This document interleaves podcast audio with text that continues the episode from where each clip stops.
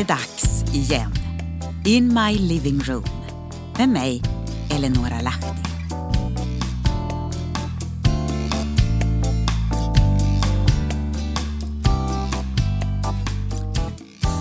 Nu så här i början på året så kommer jag att ägna mig åt en serie. Ja, det kanske är lite ambitiöst att kalla det för en serie men ett antal gånger kommer jag att läsa från min blogg som kommer att beröra att vi lever i världens sista tider. En del kan se det klart och tydligt framför sig. Man börjar lägga ihop ett och annat. Och man ser att eh, Bibelns budskap, det stämmer faktiskt. Och andra kanske inte riktigt är på banan än, men jag skulle vilja att du lyssnar och tänker efter lite granna.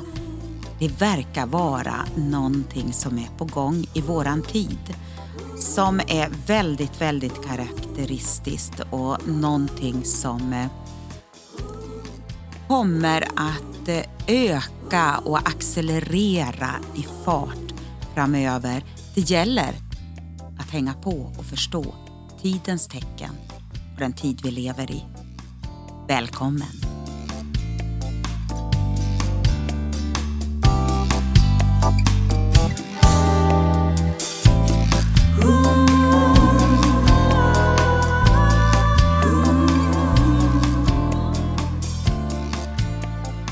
Det är världens sista tider.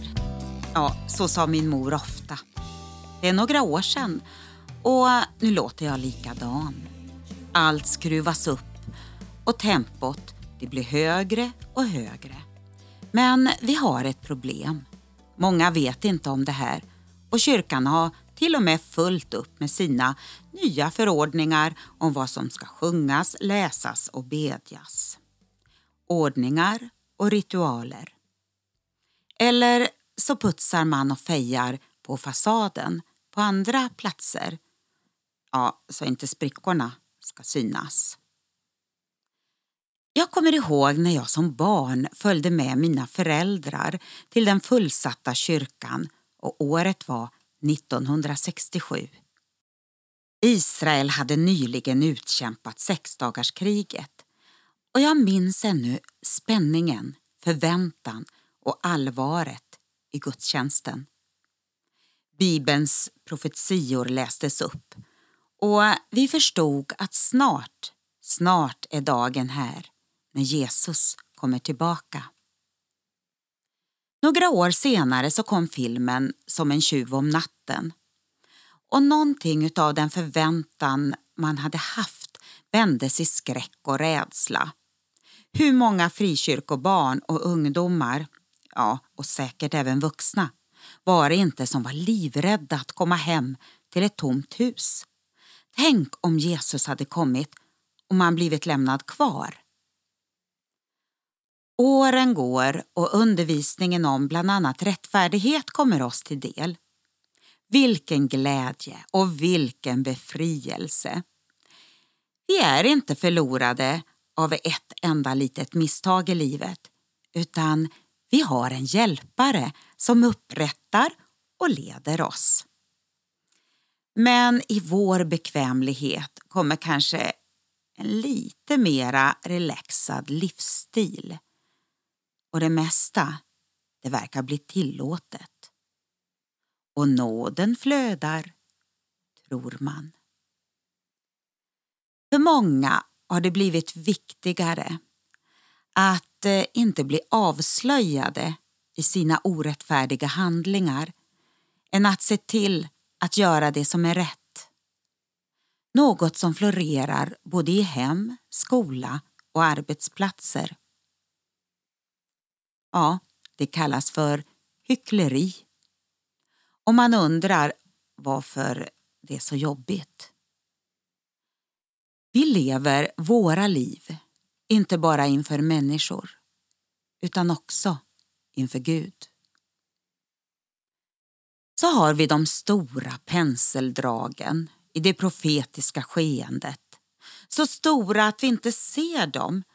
Ja, så där ungefär att vi inte ser skogen för alla träd. I Bibelns sista bok och kapitel så säger Jesus till Johannes i den uppenbarelse som han får ta del utav.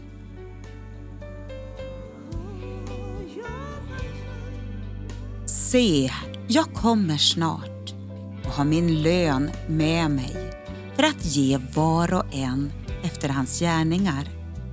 Jag är A och O, den förste och den siste, begynnelsen och änden.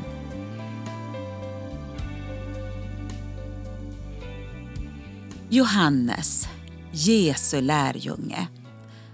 Han är nu en gammal man som blivit förvisad till Patmos i en tid av stark förföljelse av kristna under det första århundradets slut. I sin uppenbarelse, som främst handlar om tidens slut, börjar den dock om församlingarnas tillstånd. Det finns ljusstakar som kommer att flyttas, för Guds ande bekänner sig inte till vad som helst. Faktiskt. Och domen, den börjar i Guds hus. Det handlar om att man har blivit kärlekslösa, håller sig till felaktiga doktriner och upphöjelse av prästerskap som blir medlare mellan Gud och människor. Och det kallas för nikoaliternas lära. Och så har vi Isabels ande med demoniska influenser som styr och manipulerar. Falska fasader med religiositet kraftlöshet och ljumhet. Och breven är fortfarande aktuella. Så kommer sen alla dessa märkliga uppenbarelser som man har svårt att förstå. Det är djur med märkliga utseenden, stjärnor som faller ner, basuner som ljuder och skålar som töms ut. Kvinnan och draken, skökan och Babylon och lite till. De gamla profeterna i Gamla testamentet är inte heller så enkla att tyda med sitt symbolspråk. Hur ska man kunna förklara något man inte har ord till?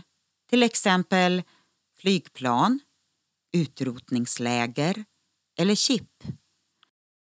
Då blir uttryck som eh, duvans vingar och förtorkade ben och märket alla måste ha för att få köpa och sälja.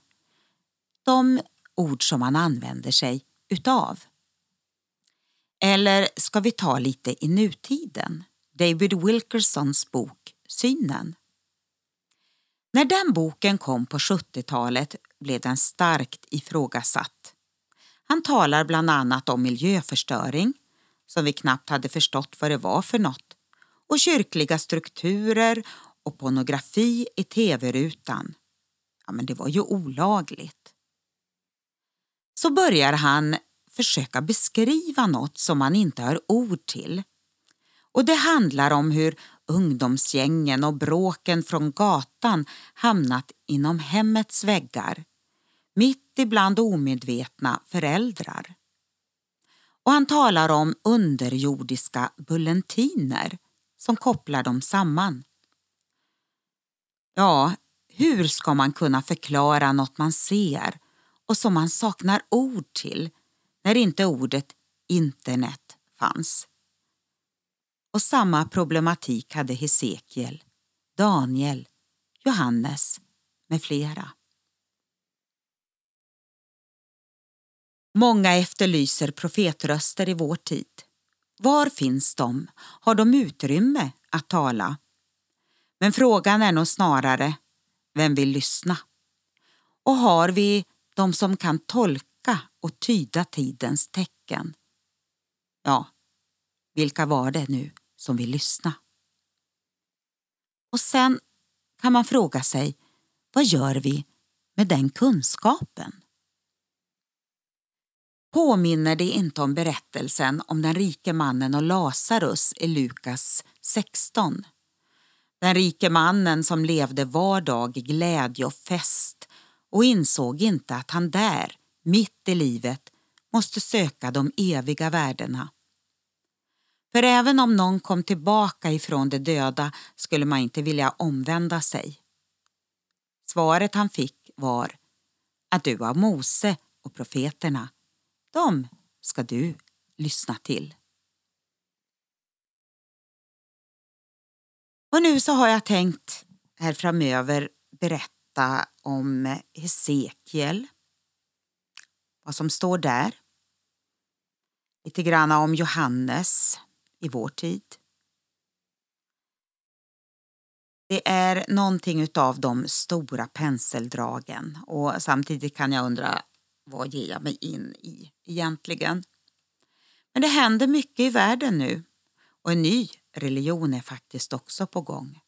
Nu går det undan.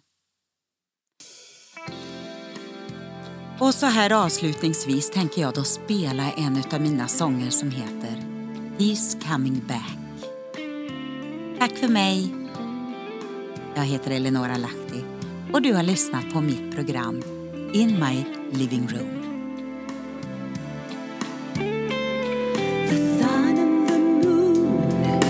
They will declare what's going on. The time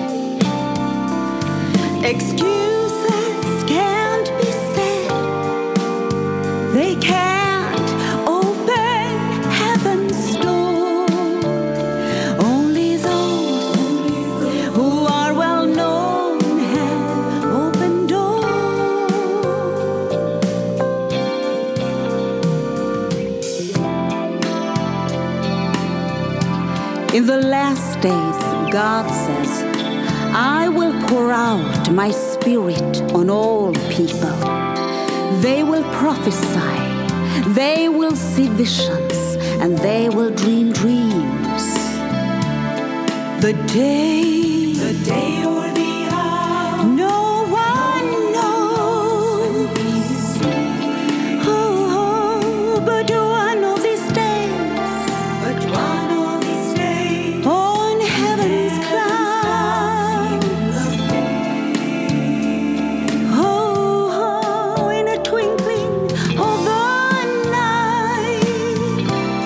everything